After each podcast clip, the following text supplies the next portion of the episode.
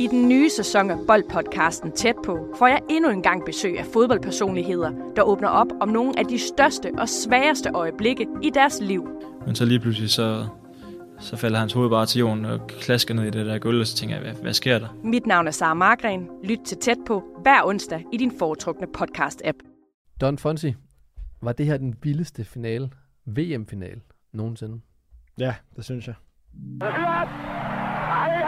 Professionel fodbold handler også om bare at håbe på det bedste. Hvis du sætter Martin Jørgensen helt op foran, så Brian og Michael inden, uh, inden midt for helt op foran, og Ebbe helt op foran.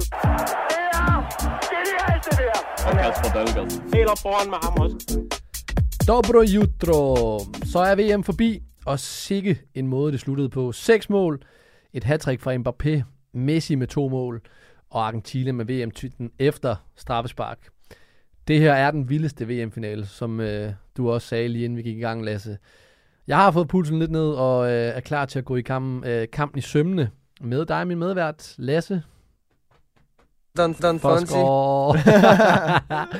Velkommen til, Lasse. Halv på juleferie nu, ikke? Mange tak. Ja, ja, vi er jo også øh, ved sidste afsnit nu her, men øh, inden vi dykker ned og skal ned og analysere den her kamp, øh, hvad vil du huske øh, den her slutrunde for? Um, det bliver jeg nok husket som Messis VM. Og jeg tror, at det billede, der bliver taget til sidst med, med Messi med, med, med kåben på, det, det er... Det, det er nok Hvad hele, helvede foregår det er hele det her VM øh, samlet i et billede.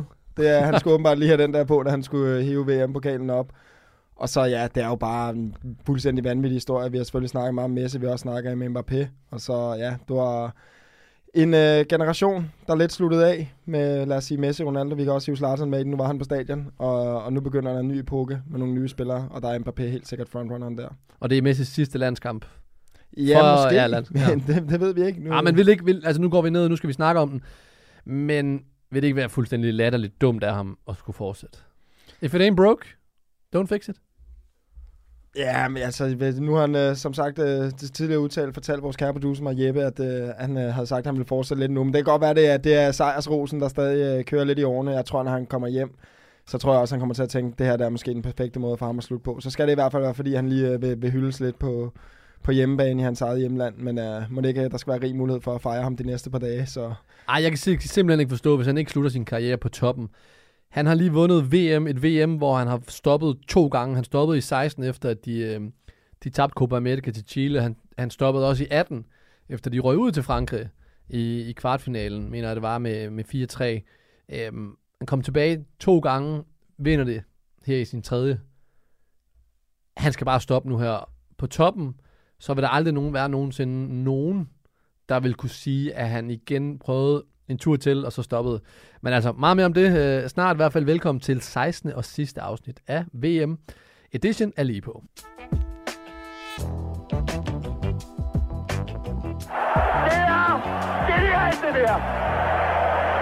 Ja, vi kan lige øh, tage den op her, hvor vi slap. Altså, Messi han har jo øh, udtalt, øh, det kan man også læse inde på bold.dk, at han gerne vil øh, spille landskamp, mens han er verdensmester.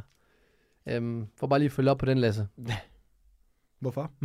jeg ved Ja. det ikke. Ja, det er jo nærmest Ja, ordet. jeg, jeg ved det ikke, men altså, det, altså han, han stopper, når han har lyst til at stoppe. Og jeg kan sige, hvis han gerne vil have et par kampe, i hvert fald en kamp på hjemmebane, hvor, han, øh, lige bliver, eller hvor de bliver hyldet, så kan jeg godt forstå det. Han, han skal jo selv bestemme, hvordan han slutter sin egen karriere. Men øh, lad os nu se. Altså, de har lige vundet, og han står og bliver fanget i et interview lige efter. Og der er ikke nogen tvivl om, at det er en speciel gruppe, den, øh, det, det Argentina-hold. Så måske er det euforien, der stadig lige øh, kører lidt rundt i hovedet på ham. Men altså, det er jo fuldstændig op til ham selv, hvornår han bestemmer at sætte punkter. Men jeg tror i hvert fald, vi har set ham til den sidste slutrunde. Det, det vil overraske mig alt andet i hvert fald.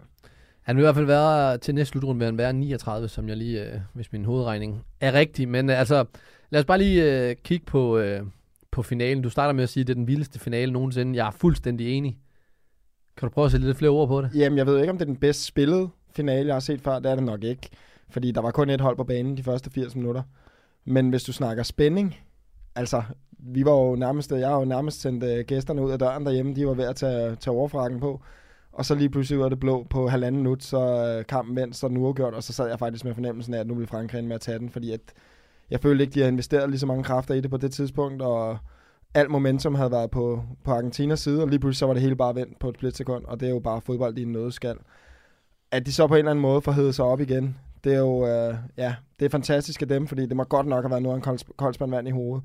Men altså, i, da vi først gør den i forlænget spilletid der, der kunne man jo nærmest ikke holde ud og sidde og kigge på fjernsyn, og det var sådan set uanset, hvem det var for, som øh, skulle ende med at trække det længste strå. Det var jo bare, ja, ufatteligt, en ufattelig finale, vi får. Altså, hvis der, der ikke kommer det straffespark øh, til, til Frankrig i, i 80 minutter, der ligesom lukker dem ind i kampen, så kunne det lige så godt bare blive 2-0, så har vi alle sammen så sagt, at det var den kedeligste finale, vi nogensinde har sagt. Og det synes jeg faktisk, man med rette kunne sige, fordi der var kun et hold på banen inden det. Men, Men sådan er fodbold men sådan jo. er fodbold jo, og det var jo, altså, nu har vi snakket om mange forskellige historier den her VM-slutrunde, men den finale, wow, altså det er jo bare øh, alt, hvad man elsker og hader ved fodbold på samme tid, alt efter hvad hold man holder med, men hold da op, den, øh, den bølger lidt frem og tilbage, og ja, det er to, øh, to hold, der bare har nogle individualister, som øh, var dem, som der gjorde forskellen i dag, og øh, ja.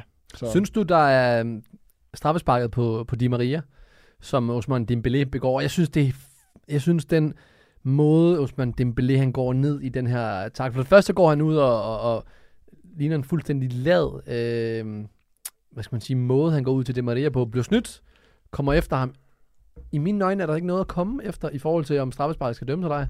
Nej, jeg synes sagtens, du kan argumentere for, at det kan dømmes. Det er sådan en, hvor at, øh, ja, Hvad er det, man skal argumentere for, at der ikke kan dømmes? Han tager jo Ja, benene det er på fordi, ham. jeg ikke synes, han falder i første omgang. Men om man kan også godt forstå, at han måske selv mærker, at han bliver ramt, og så derfor så kaster han sig. Der er en VM-finale, du gør alt, hvad du kan for, at sådan en bliver dømt. Og Dembélé laver en forseelse, som der kan blive dømt straffe på.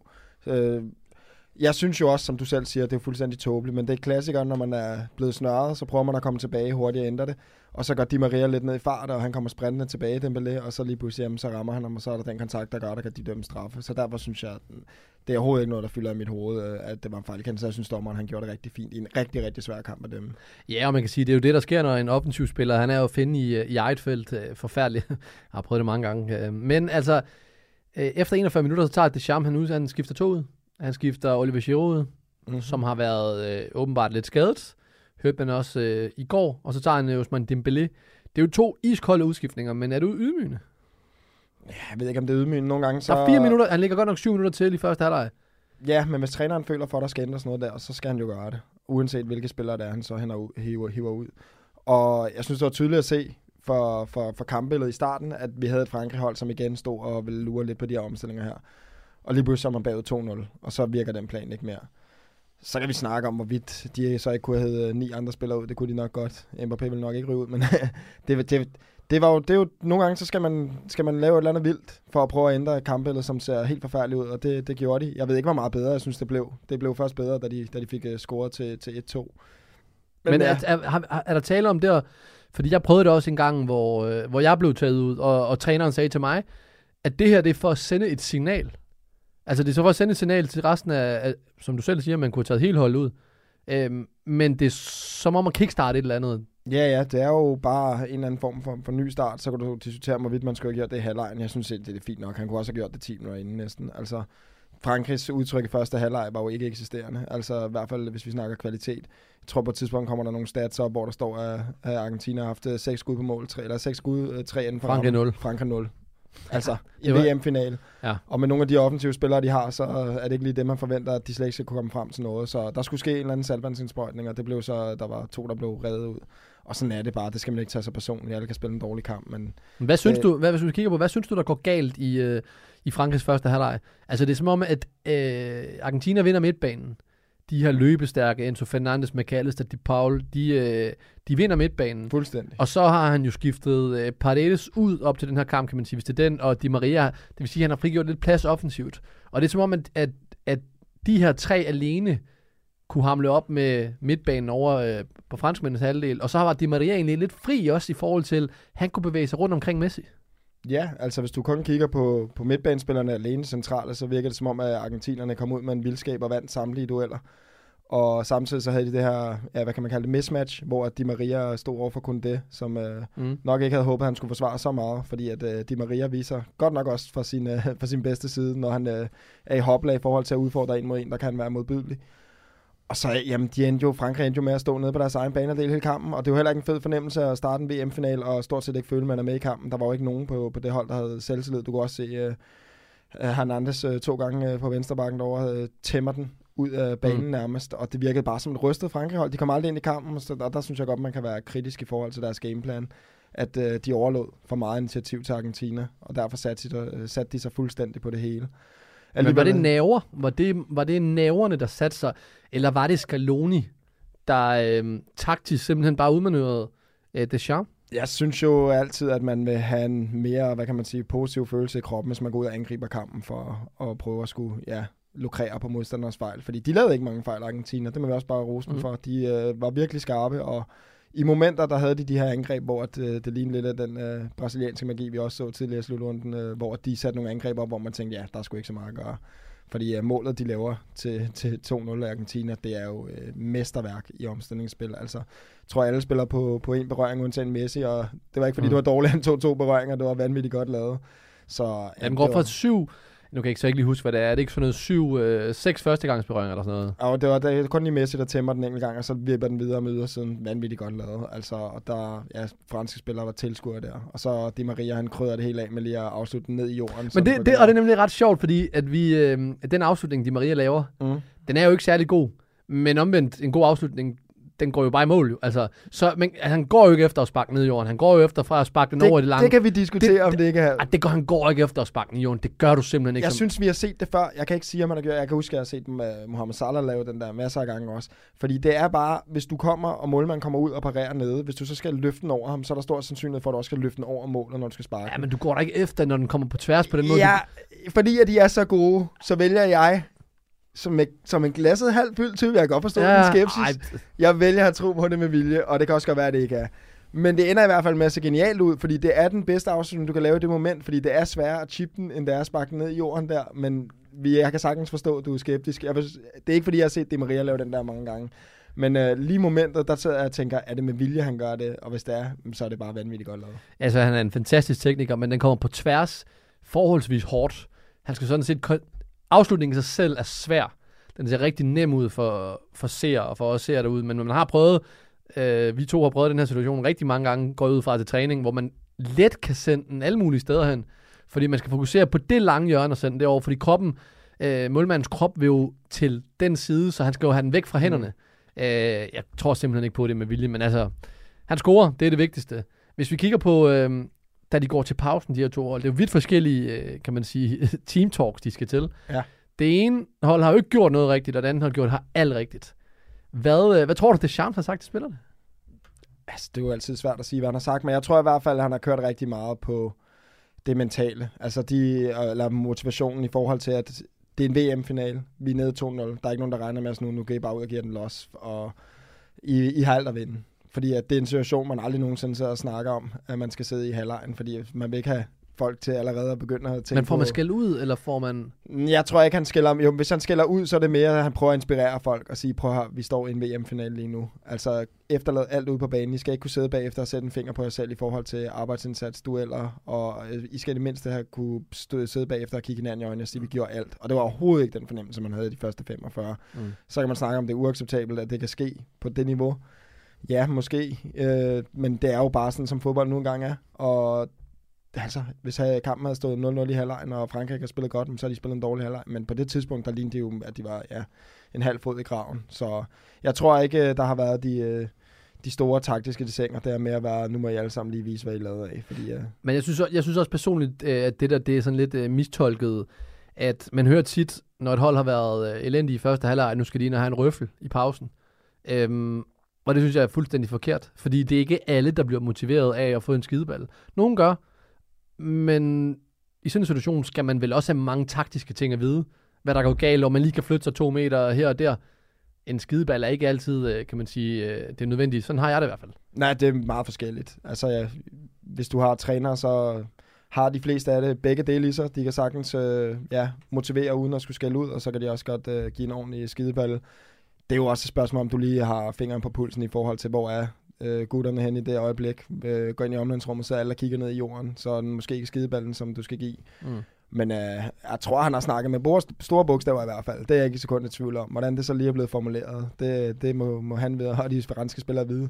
Jeg ved ikke, hvor meget jeg synes, det hjælp, fordi jeg synes, de første Nej. ja, 25-30 minutter, eller hvad der var, indtil de fik, øh, fik udlignet, øh, der synes jeg jo stadig, at Frankrig var, var helt væk i kampen, og jeg sad og tænkte, det bliver, ja, som sagt, den kedeligste Ja. finale i mands minde, men øh, som fodbold jo er, så lige pludselig, så blev det helt fantastisk. Og så havde det jo ikke været anderledes, end at hvis, øh, hvis Frankrig havde endt at vinde, så har vi alle sammen hyldet de champ nu for mesterligt comeback.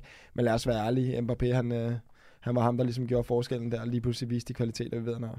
Men lad os lige prøve at tage den, fordi der er spillet, øh, hvad er der spillet, 79-80 minutter, inden øh, Mbappés første mål i, øh, i ordinær sp- øh, tid. Øhm, hans to mål, han scorede det ene på straffe, han scorede det andet på, øh, på det her fremragende, altså hvor han ligger den i hovedet, spiller 1-2 og flugter. Han er jo fuldstændig outstanding. Ja, når han, når han er på sit topniveau, ja, så er han fuldstændig outstanding. Og jeg synes jo, at Argentina har gjort det rigtig godt med at lukke ham ned inden da.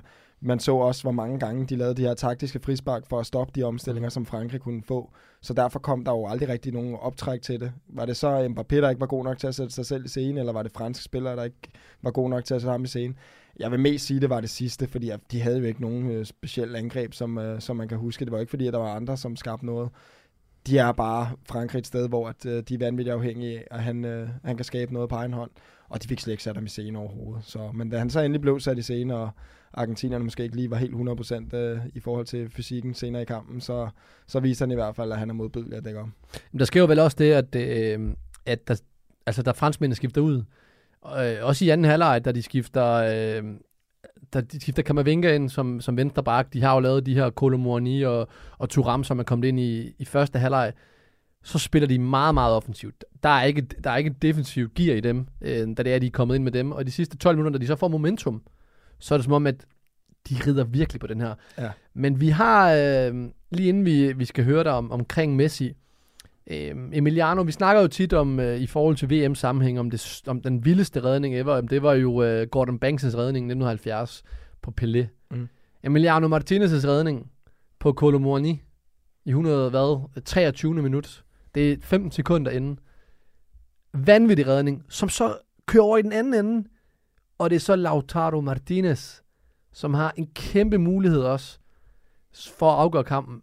Men Martinez' redning, er det måske den, der... Altså, ja, det er, den, altså, er, det, er det VM's vildeste jo, redning? Jo, det er, det er den vildeste redning, hvis du tager hele, ja, hvad kan man sige, øh, scenariet i betragtning, og det er i den dybeste overtid i finalen. Fuldstændig vanvittig redning, altså det er jo bare, han øh, springer jo bare ud som en sprallemand og redder den helt fantastisk. Og det synes jeg jo også godt, nu snakker vi meget om Mbappé Messi, hvem af dem, der afgjorde kampen. Jeg synes jo begge to øh, ja, gjorde, hvad de skulle for at prøve at hjælpe deres hold til sejr. Men øh, man kan vel godt argumentere for målmandsposten. Der var det der, hvor at, øh, Argentina de, øh, de endte med at tage det længste strå, fordi Martinez han viste sig at være en klasse over Loris. Hvad synes du om, øh, nu når vi er ved Emiliano Martinez' øh, fejring efter, hvor han lige stikker hans øh, gyldne handske ned til piven? det, det ved jeg ikke, hvad skal jeg sige til det. Altså, jeg tænkte bare, hvorfor? Altså, hvorfor skal du gøre det? Men altså, øh, du har lige vundet VM-finalen, eufori, og han bliver kåret til målmand. Altså, du, du er jo også bare lettet, men jeg tænkte bare sådan lidt unødvendigt. Det er så mærkeligt. Men, ja, ja, men altså... Det er så skal jeg mærkeligt. Sige? Og så fantastisk, fordi kameravinklen var derfra, hvor du kunne se de, de, alle de, ja, de høje herrer stå i baggrunden der, og de kiggede sådan lige over og tænkte, hvad, hvad lavede han der? Ja, så vildt han kører Ja. den der. Ja. Hvis vi kigger på, øh, på den største af dem alle, øh, Lionel Messi, og hans øh, 120 minutter. Mm. Hvad, hvad, øh, var han god Jeg i synes- alle 120 minutter? Jamen, altså, som i en fodboldkamp kan du aldrig være god i, i hele kampen. Jeg, jeg, jeg synes jo, han var som Messi, øh, vi forventer. Når scenen er størst, så, så er han en klassespiller. Han har haft andre slutrunder, hvor at, øh, jeg synes, det har været mere kun ham, der har trukket læsset, lidt ligesom vi har set med, med Ronaldo fra Portugal og, og andre nationer, hvor de også sagde, at du kan tage Sverige med Zlatan og så videre. Jeg synes jo, i den her slutrunde, der viser finalen også Argentina, at det var virkelig, altså de havde en, øh, fantastisk defensiv, en stinkende hårdt arbejdende midtbane, og så havde de en vanvittig dygtig målmand også, og så har de jo også en, en Alvarez, som der også er ja, blomstret op i løbet af turneringen, og jeg synes jo, det eneste hold, hvis jeg skulle, og jeg havde at skulle gøre det, men hvis jeg skulle kigge tilbage på den her slutrunde og sige, hvem synes jeg var det bedste hold, altså det var jo nok Argentina, men jeg stod stadig med en fornemmelse af, Brasilien... Men altså, er det ikke det bedste hold, der har vundet? jo, men det er det jo. Altså- Altså, det er det, jo, men det er det jo for de resultaterne, der afgør det. Men jeg, jeg synes jo, at Argentina i hvert fald 100% fortjent at vinde finalen.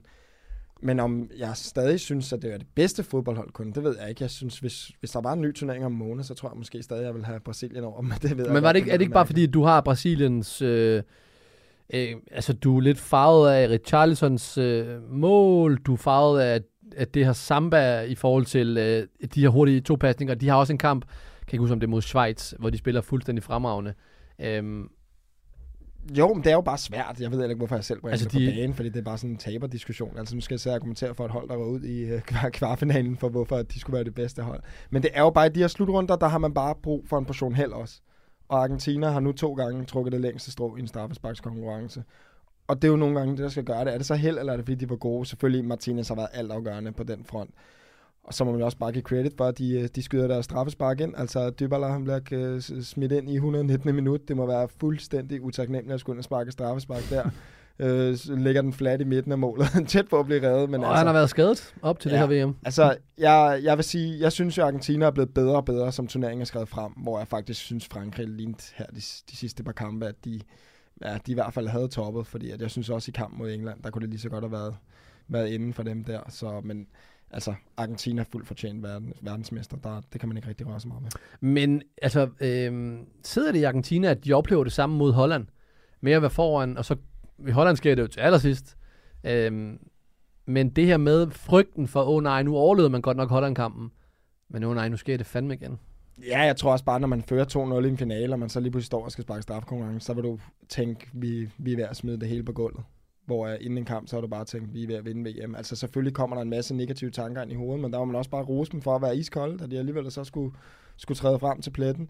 Og det er jo bare, altså det er jo en evig diskussion, er den rigtige måde at afgøre en fodboldkamp på? Altså, Jamen, hvad synes du? et eller Fordi andet vi kan tage den straffespark. Nogen synes jo ikke, sådan en kamp skal, at VM skal afgøres. EM blev også afgjort i straffespark. Øhm, Jamen et eller andet sted, så altså, jeg ved ikke, hvad alternativet skulle være. Skulle man bare fortsætte den til næste scorede mål, eller skulle man hive to mand ud og spille 9 mod 9? Altså, du, der er jo, man har jo altid prøvet at lave alle mulige forskellige scenarier for, hvordan man kan afvikle på en bedre måde. Altså, og alligevel så ender vi her ved straffesparkskonkurrence. Det er bare, ja, det er bare alt det ubarmhjertige ved, ved fodbold, der bare bliver ja, kogt ned til, at der er 10 sparker, som der skal ind, og, og nogen kommer til at være helte, og nogen kommer til at være skurke. men fodboldsport, det er jo bare ubarmhjertigt. Altså en straffesparkkonkurrence, den synes jeg, i, i mine øjne, så hører den til i, i, i fodbold i de her knockout-faser. Altså hvis man er kommet ud i 120 minutter. En anden diskussion, man kunne tage i den her forbindelse, der, det vil være, at skal man til at indføre det noget silver goal, som der har været før, eller noget golden goal? Fordi i mine øjne, så den tilførelse, den er måske mere noget held i forhold til, at der kan jo, altså du ved, et, et, et, et golden goal, øh, ja, de fleste husker, eller de ældre lyttere, de husker måske Oliver Bierhoff.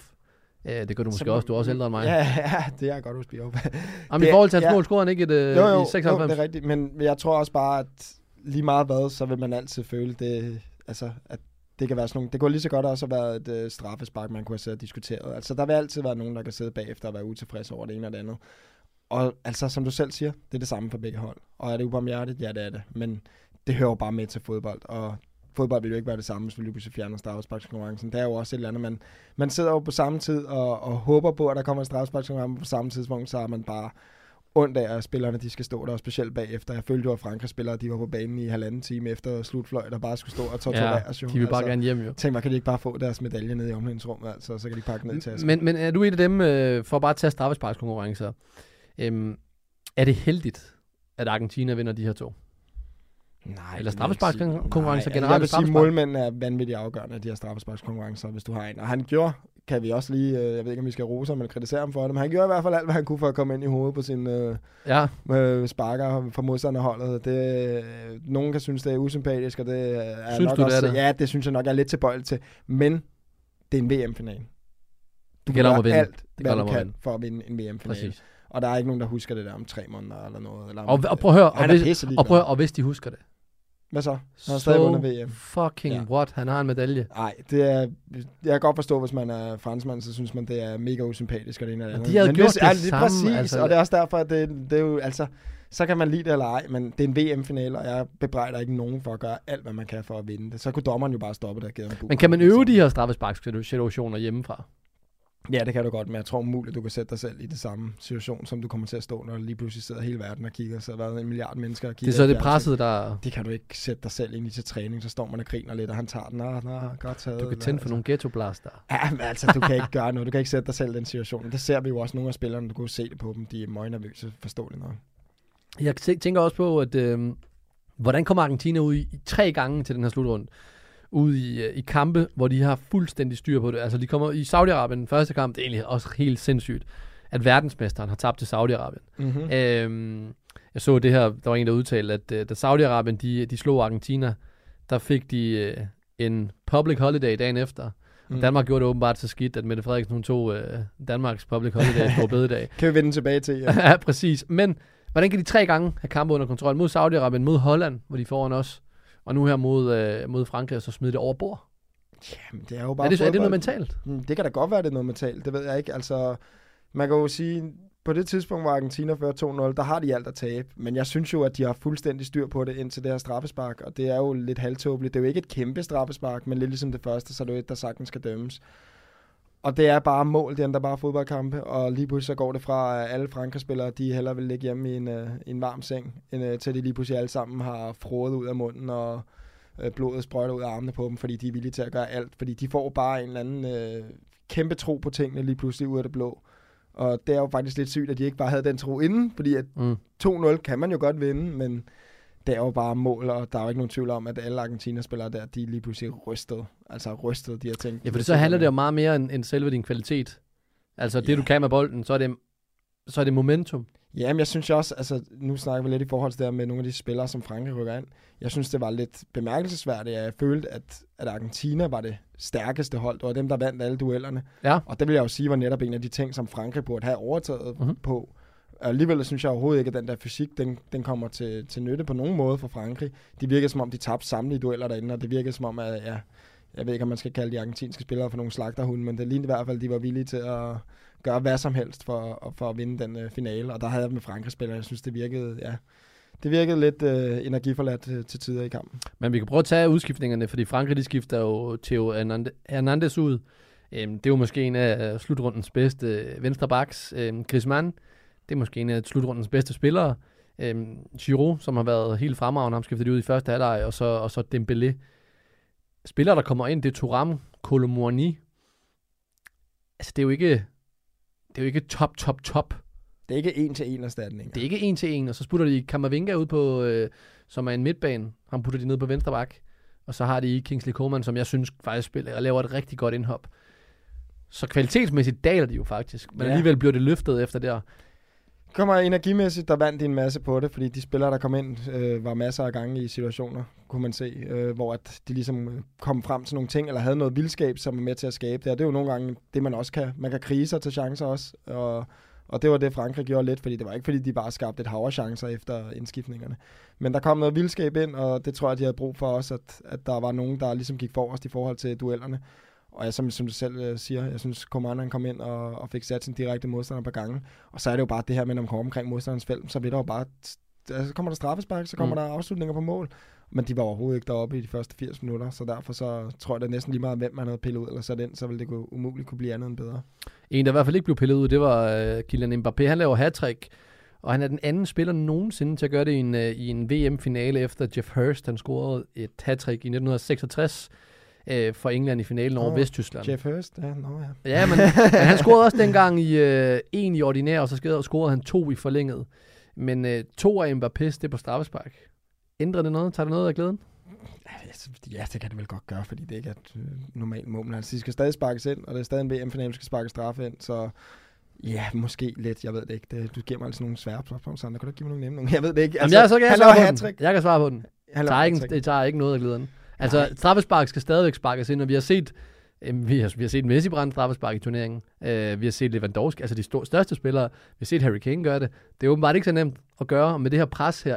Et kæmpe pres, han står overfor. Især i en VM-final. Nej, jeg synes også bare, det er lidt sjovt. Jeg er fuldstændig ude af den der Messi-Ronaldo-diskussion. Jeg hader det altid. Jeg hader, når folk begynder på det. Men jeg synes, det er meget sjovt at læse nogle gange. Og der har jo altid set så mange svine Ronaldo til for alle de straffespark, han har scoret. Nu skal vi lige huske på Messi. Han har altså også scoret på straffespark i den her turnering. Men alligevel så er vi med fornemmelsen nu, at han formentlig sammen med Mbappé var de, bedste, de to bedste spillere i turneringen. Det er jo bare, altså... De får straffespark, og de, ja, de store spillere, de skal stille sig op og, og sparke dem i kassen stadig. Og det har vi jo set i den her slutrunde. Det er altid ikke øh, helt så nemt, som det ser ud. Men bare for at tage Kylian Mbappé, 22 år, bliver topscorer nu her. Hvad, egentlig, hvad kan han bruge den her topscore-titel til? Ikke en skid. altså jo, personlighed, og når han er færdig med sin karriere, så betyder det noget. Men hvis han have byttet den for at vinde vm så har han gjort det lige med det samme. Så selvfølgelig, han har jo også et eftermæl, som han rigtig gerne, øh, han vil rigtig gerne op og måle sig med, med Messi og Ronaldo og Pelé og Maradona og hvem der ellers er på den liste der. Men altså, han har tre slutrunder formentlig endnu til VM, som øh, han kan nå at gøre en forskel i. Og, altså, jeg synes jo igennem hele turneringen, han har vist, at han er ham, som der er den nye øh, konge i fodbold, når, når de andre stiller støvlerne på hylden. Han er et unikum, han har en fart, som der er fuldstændig modbydelig, og så har han også en fantastisk øh, afslutningsfod, så jeg vil være meget overrasket, hvis vi ikke så ham øh, som den øh, dominerende faktor i fodbold de næste mange år.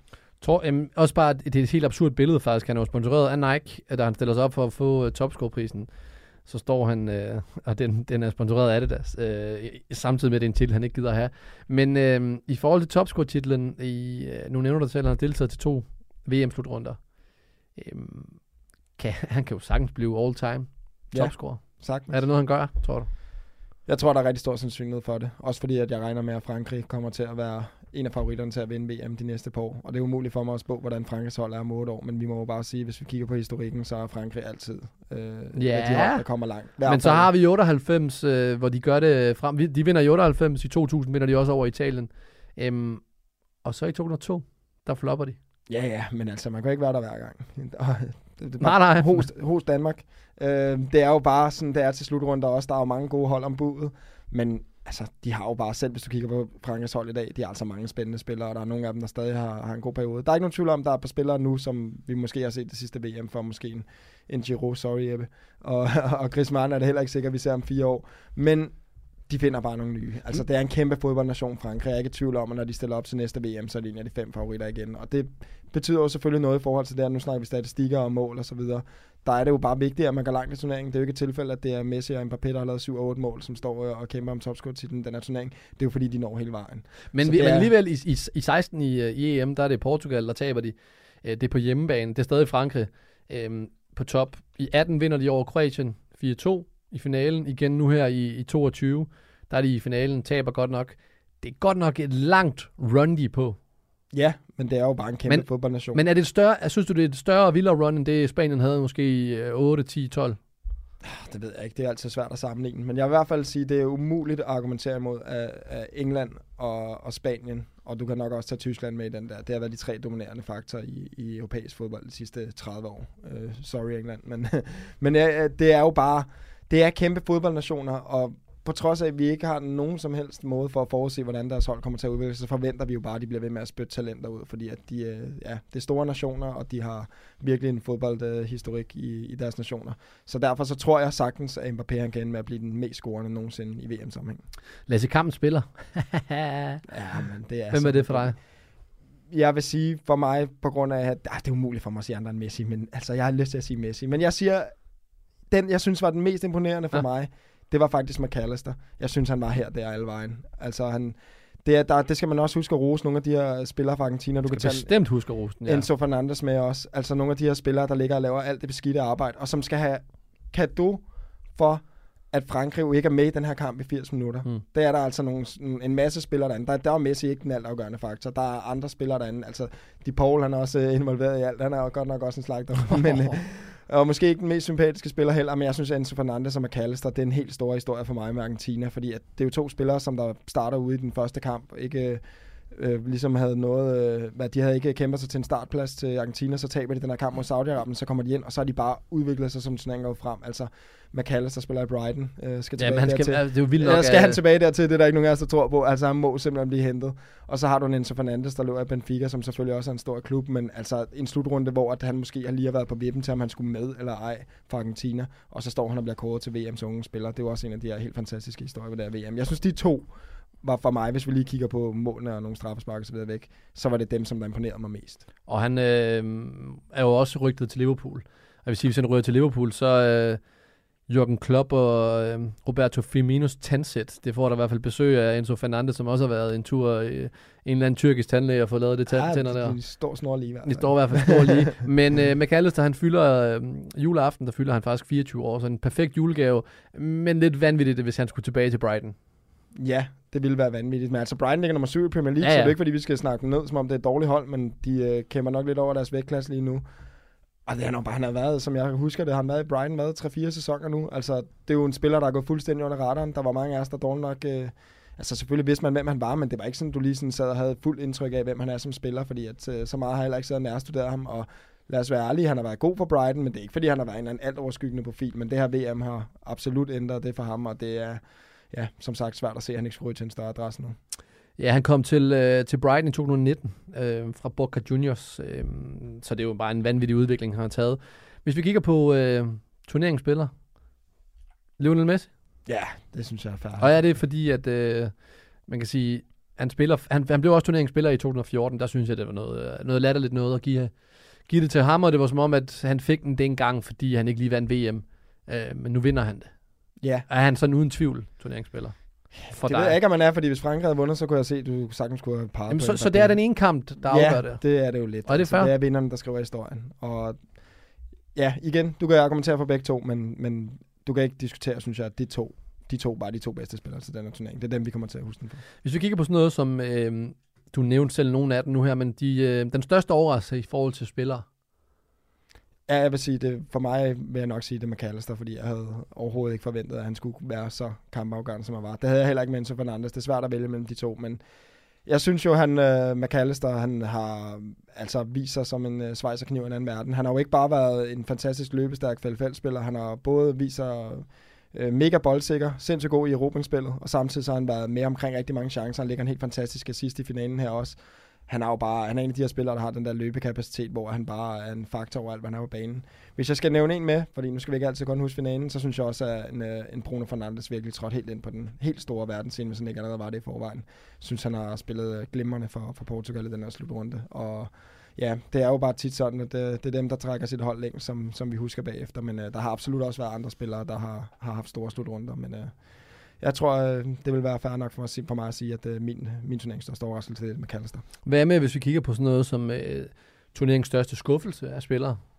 Åh, jeg synes, der er et par stykker, men øh, jeg vil sige, de to største navne, jeg tror, jeg havde regnet mig mere fra, som jeg ikke synes øh, dukkede op. Øh, I hvert fald ikke, som jeg havde forventet fra dem, så vil det nok være en Cristiano Ronaldo og en Harry Kane. Jeg synes, øh, Cristiano Ronaldo var en spiller, som jeg lidt forventet ville øh, lukke munden på mange til VM, som øh, han har gjort tidligere, eller i hvert fald til slutrunder. Men øh, han ender jo med at gå fra at være et af VM's første, største fem stjerner til at være bænkspiller de sidste, hvad er det, to-tre kampe, han spiller det var nok ikke lige det, vi havde regnet med øh, til det VM her for Ronaldo, og det blev nok et øh, endegyldigt slut på den helt store scene for ham. Mm. Øh, ikke at det skal tage noget fra hans karriere, for den har om noget også været fantastisk. Og så synes jeg jo, Harry Kane udover, at han lægger op til et par mål, har en, en turnering, hvor jeg synes, at han var helt ved siden af selv. Jeg ved ikke, om han har været småskadet eller hvad Men synes du, synes du også, når man kigger på, at han har lavet tre assist, Harry Kane, og to mål, at det var så skidt i forhold til øh, Ja, jeg tror også bare, du ved, han slutter også med, med øh, hvad kan man sige? at brænde? Er det, Og- og er, det, er, det, er det fordi, at han gør Nej, det? du ikke så- kun det. Nej, jeg synes bare, jeg havde regnet med, at Harry Kane ville score en masse mål. Han er, en, han er jo en typisk øh, en boksangriber, og jeg synes, øh, jeg synes overhovedet ikke, jeg så en mand, der var farlig, og jeg tror, han kunne have spillet øh, otte kampe nu, og så har han ikke scoret mere end mål mere. Han ligner overhovedet ikke sig selv. Jeg tror, at måske den øh, ankelskade der, eller hvad det var, han løb ind i første kamp, den øh, var lidt værre, end vi, vi har troet, fordi at, øh, jeg var godt nok skuffet over ham de gange, jeg sad og så England. Det er som om, han er blevet en anden spiller. Øhm, det er meget mere ned i banen, meget mere hold i den, meget mere blevet en holdspiller. Ikke fordi han ikke har været en, en holdspiller før, men øh, Nej, men det er ikke det, de har brug for for ham. De har brug for, at han lever i feltet og scorer en masse mål, og det synes jeg ikke, han gjorde hvis vi kigger på, øh, hvis vi bare tager sådan en turnering som helhed øh, her til sidst. Hvilken følelse sidder du med øh, i forhold til måske andre slutrunder? Hvordan har spillet været? Øh, Jeg synes, fodboldspillet har været som VM normalt. Jeg synes ikke, der har været nogen forskel. Det har været mm, nogle fantastiske kampe, mange af dem. Der har været nogle fantastiske, fantastiske mål, fantastiske op- og nedture, og som altid ved VM, så er der nogens øh, pil, der lige pludselig peger op og nogens, der peger ned, og ja, hvad havde vi nogle tidlige favoritexit fra, fra Belgien og fra, fra Tyskland, og Spanien røg også relativt hurtigt ud, vil jeg sige. Det var Mm. lidt overraskende også. Og så lige pludselig så er der nogle andre fantastiske historier. Kroatien, jeg ved ikke, om vi kan sige, det er en overraskelse. Og så øh, Marokko, som også øh, har vundet en masse hjerter her i den her slutrunde. Måske ikke for det mest polerede spil, men, men for den øh, fighterindsats, som de også har vist. Så for mig, altså, hvis du kigger bort fra, hvor øh, VM har været, så var det et VM fuldstændig, som vi, vi elsker at se normalt, med afslutningen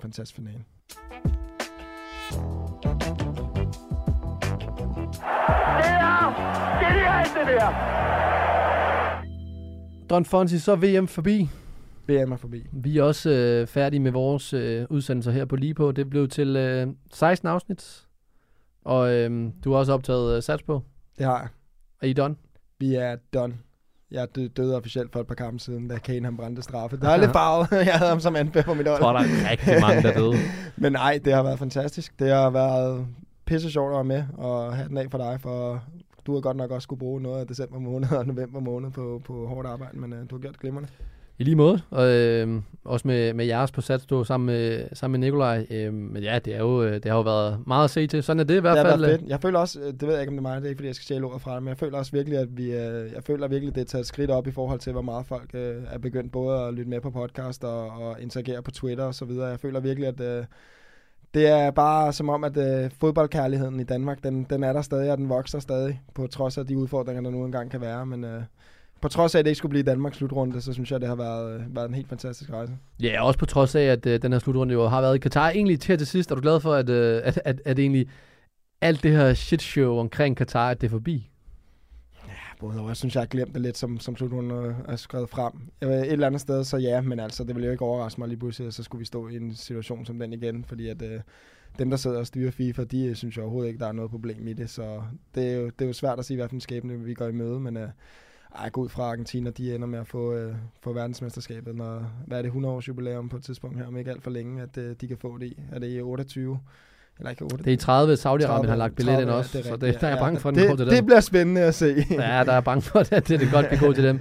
Men i hvert fald øh, også tak til, øh, til alle dem, der har lyttet med. Øh, tak ude bagved til øh, producer Jeppe og til øh, Oliver Routledge. Tak til øh, Don Jefe, René Skrøder, og så også øh, Somi Sine, som har været med til at klippe alle de her fantastiske klip til, øh, til Somi. Også til jer på, på Sats på. Øh, og så til medværterne Beckmann, Uffe Bæk, Lionkeeper. Øh, god bedring med din ryg. Og så ikke mindst til dig, Don Fonsi. Tak for det. Jo, tak lige måde. Og vi er jo tilbage igen, når øh, Superligaen starter. Så god jul og godt nytår. Så pas lige på jeres øh, hænder og øjne for det der øh, fyrværkeri. Og så er det faktisk det eneste, jeg mangler at sige, det er hasta la vista. Professionel fodbold handler også om bare at håbe på det bedste. Hvis du sætter Martin Jørgensen helt op foran, så Brian og Michael ind, uh, ind midt for helt op foran, og Ebbe Sand helt op foran. Og Kasper Dahlgaard. Helt op foran med ham også. Tired of ads barging into your favorite news podcasts? Good news. Ad-free listening on Amazon Music is included with your Prime membership.